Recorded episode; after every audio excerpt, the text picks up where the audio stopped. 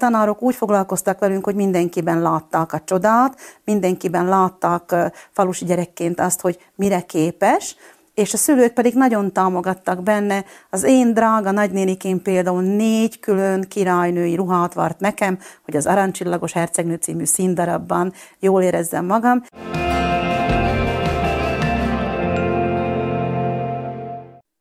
Nagyon sok szeretettel köszöntöm a kedves nézőket. A Dunamenti Tavasz Dusza Istvánról elnevezett életműdíját idén Szvorák Zsuzsa, a Füleki Gimnázium magyar nyelv és irodalom tanárnője kapta. A díjjal szerették volna elismerni több évtizedes munkásságát. Nagyon sok szeretettel köszöntöm kedves tanárnő a stúdióban. Köszönöm szépen. Én úgy gondolom, hogy nekünk illene most a beszélgetés elején egy kicsit megemlíteni azt, hogy honnan ered az ön színház szeretete. Hát igen, ennek, ennek örülök is, hogy, hogyha lehetőséget kapok elmondani, ugyanis én egy kis faluból arról származom, és a Ragyolci általános iskolába kezdtem el a tanulmányaimat ötödiktől fölfelé, és hát egy olyan közösségbe csöppentem, ahol a tanári kar nagyon összefogott volt, nagyon gyerekcentrikus volt, és amikor 46 évvel ezelőtt elindult az első Dunamenti tavasz, akkor mi a csapattal, az ottani színjátszókkal és a tanárokkal karöltve mi megmérettettünk Dunaszerdahelyen, és most az idén a díjkiosztás kapcsán ezt el is mondtam, hogy kevesen mondhatják el, hogy az első Dunamenti tavaszon és az idei 46. Dunamenti tavaszon is ott vagyok. Tehát Ragyolcról eled a színház szeretete, hiszen ott azok a tanárok úgy foglalkoztak velünk, hogy mindenkiben látták a csodát, mindenkiben látták falusi gyerekként azt, hogy mire képes, és a szülők pedig nagyon támogattak benne.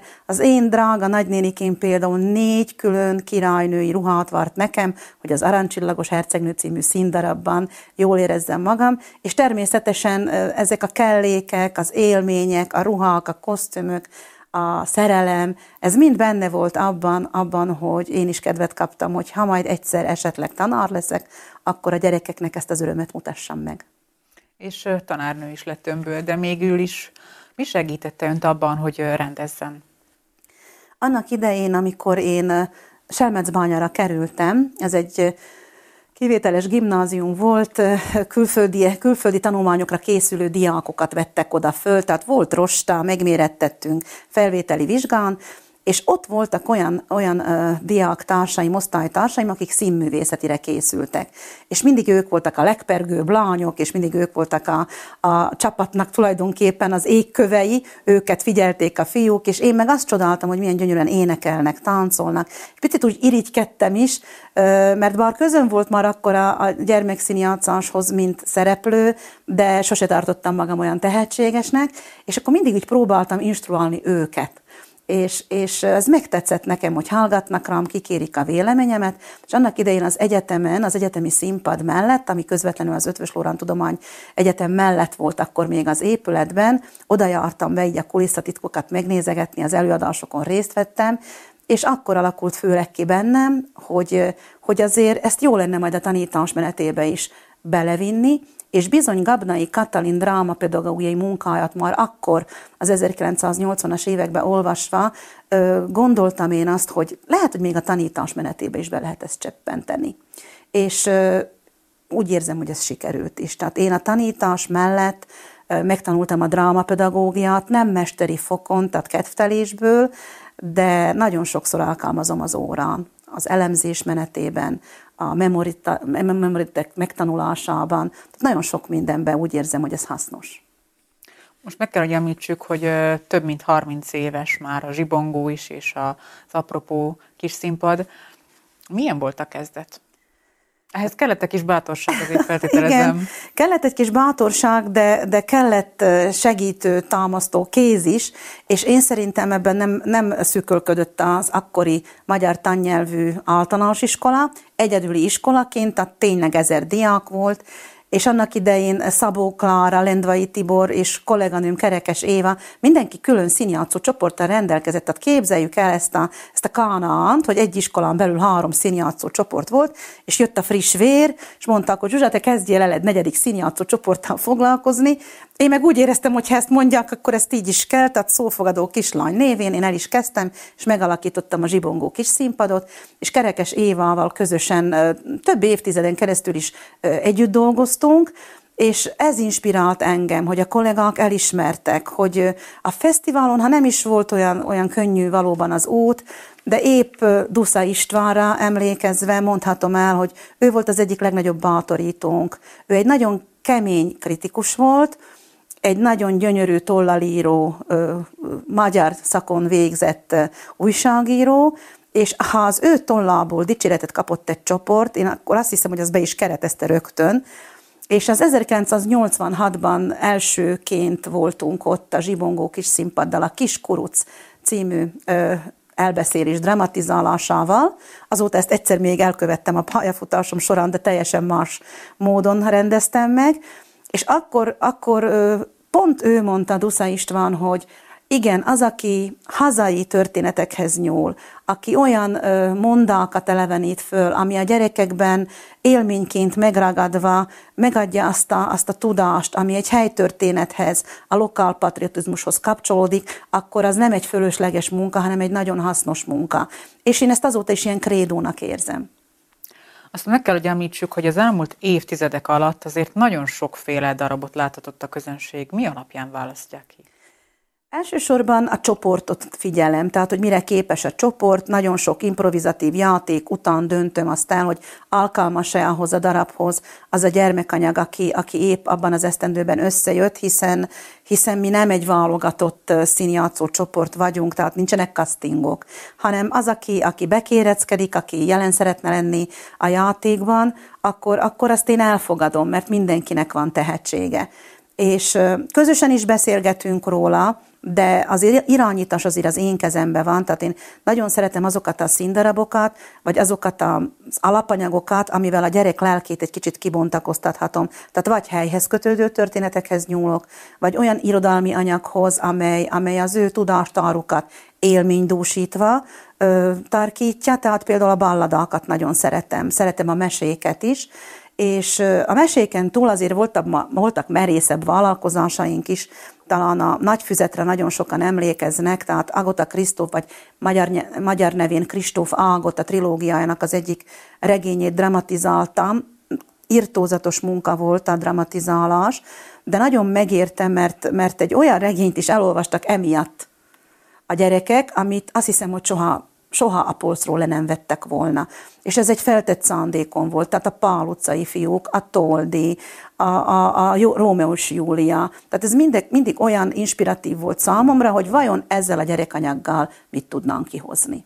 Volt esetleg segítség ebben?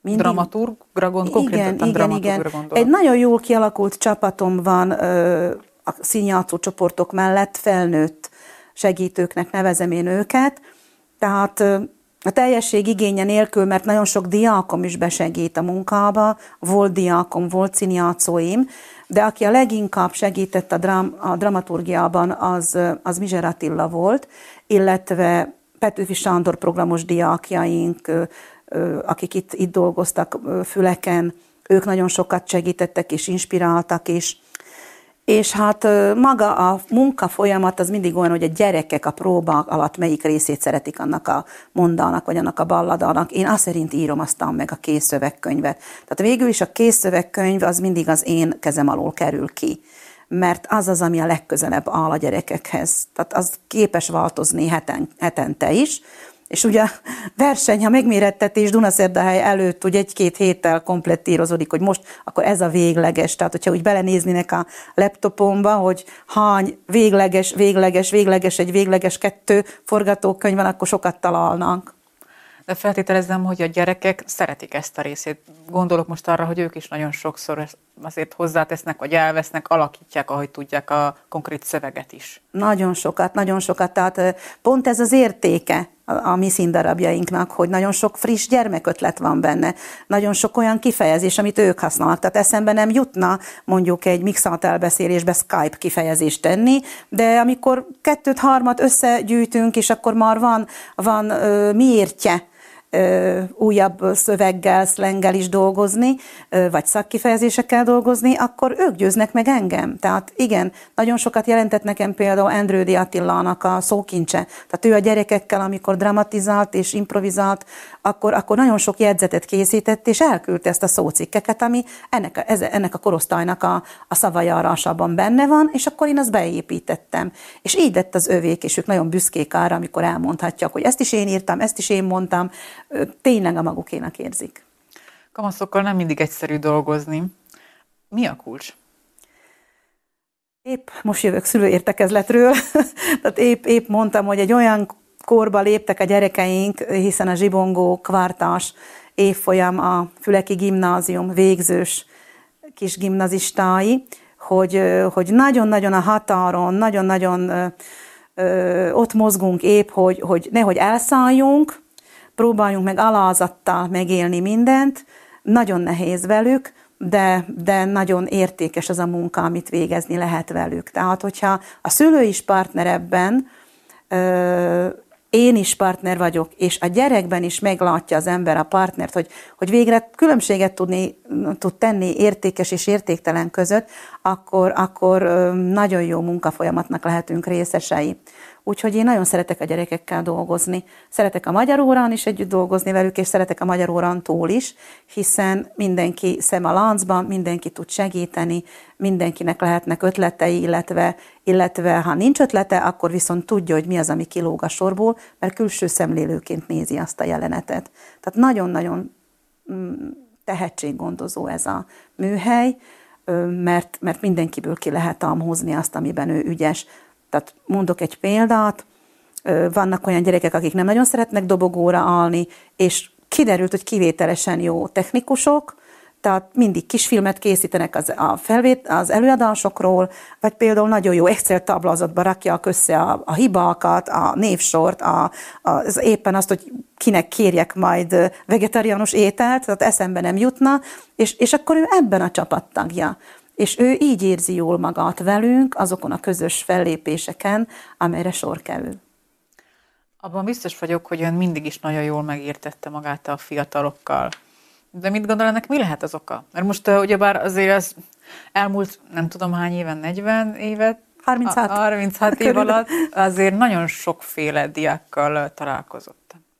Ez nagyon ösztönös dolog, tehát, tehát pedagógián ilyet nem tanítanak nincs erre módszer szerintem, hanem ez egy ösztönös dolog, és ami engem vezérel, és néha ez a hibám is, az, hogy én, én nagyon nagy szeretettel és érzelemmel nyúlok a gyerekek iránt, tehát hogy, hogy én inkább pedagógus vagyok, mint tanár. Tehát én hajlandó vagyok a magyar órát feláldozni arra, hogyha egy gyereknek a, a, a versmondását ki kell javítani, és meg tudom győzni a többieket is arról, hogy, hogy ez most nekik is ugye biztos, hogy fontos, és tényleg fontos. Tehát számtalanszor van az, hogy, hogy a gyerekek segítenek a munkámba engem. Tehát nem csak a színjátszás területén, hanem versmondás, eszéírás területén, kisfilmkészítés területén, bármilyen vetélkedő területén. Tehát én, én úgy gondolom, hogy ők érzik azt, hogy én szeretem őket. És ezt viszonozni szeretnék.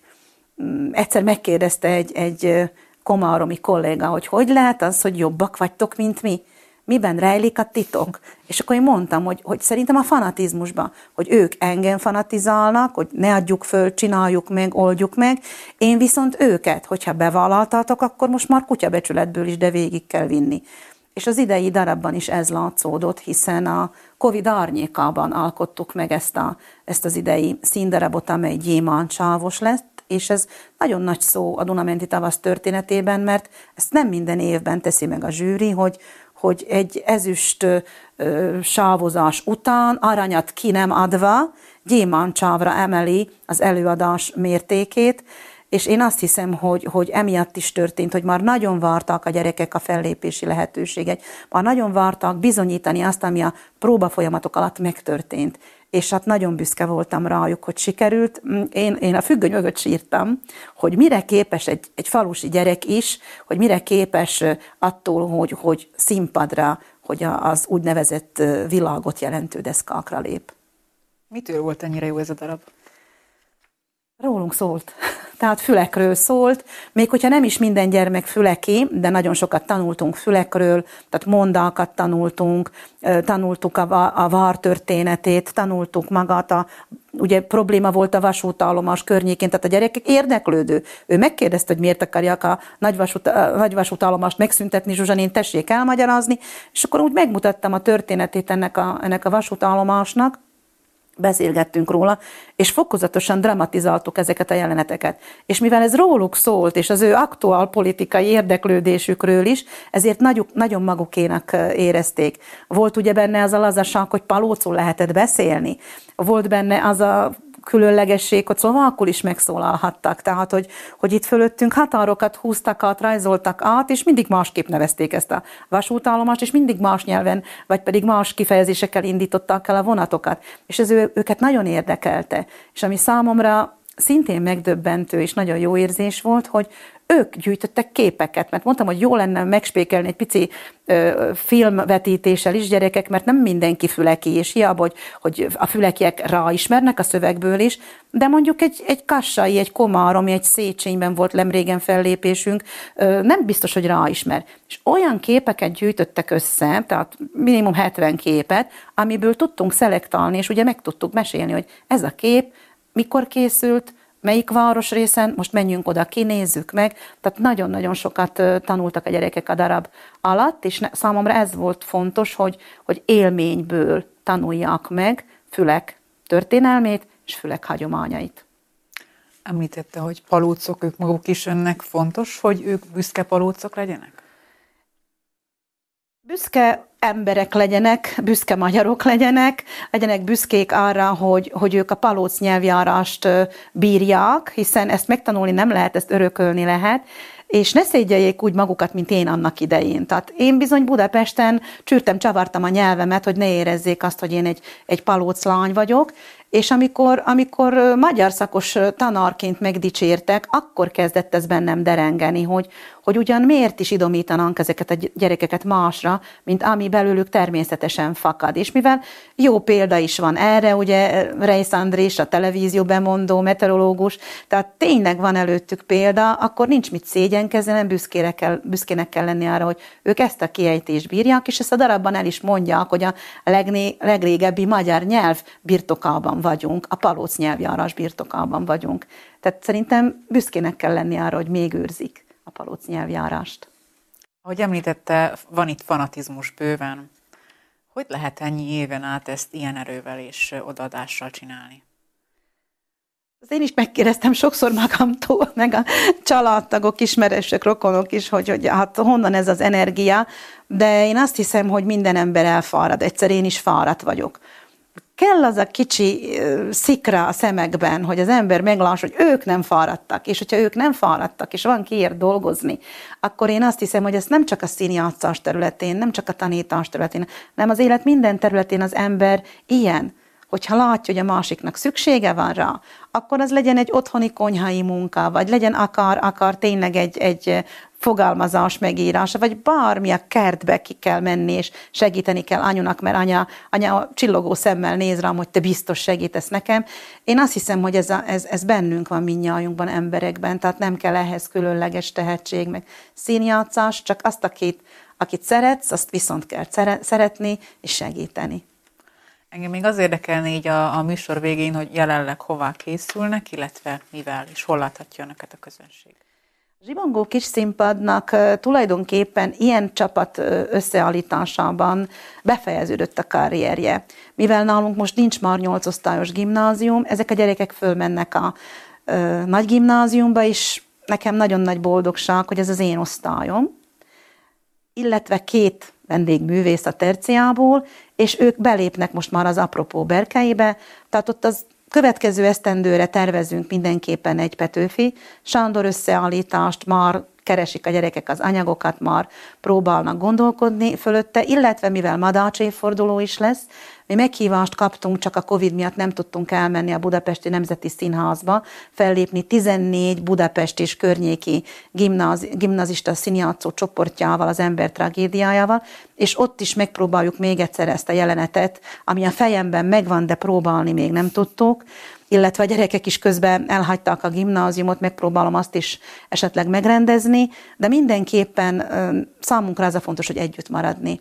Így, ahogy az osztály van, így, ahogy a tehetséggondozás él, és így, ahogy én, mint osztályfőnök irányítani, nyesegetni és szeretgetni tudom őket. Nagyon sok szeretettel gratulálunk még egyszer a díjhoz, és nagyon sok sikert kívánunk a jövőben. Köszönjük szépen, hogy eljött hozzánk. Köszönöm szépen én is a gyerekek nevében is. Kedves nézőinknek nagyon szépen köszönjük, hogy velünk tartottak. Nézzenek minket legközelebb is. Viszontlátásra!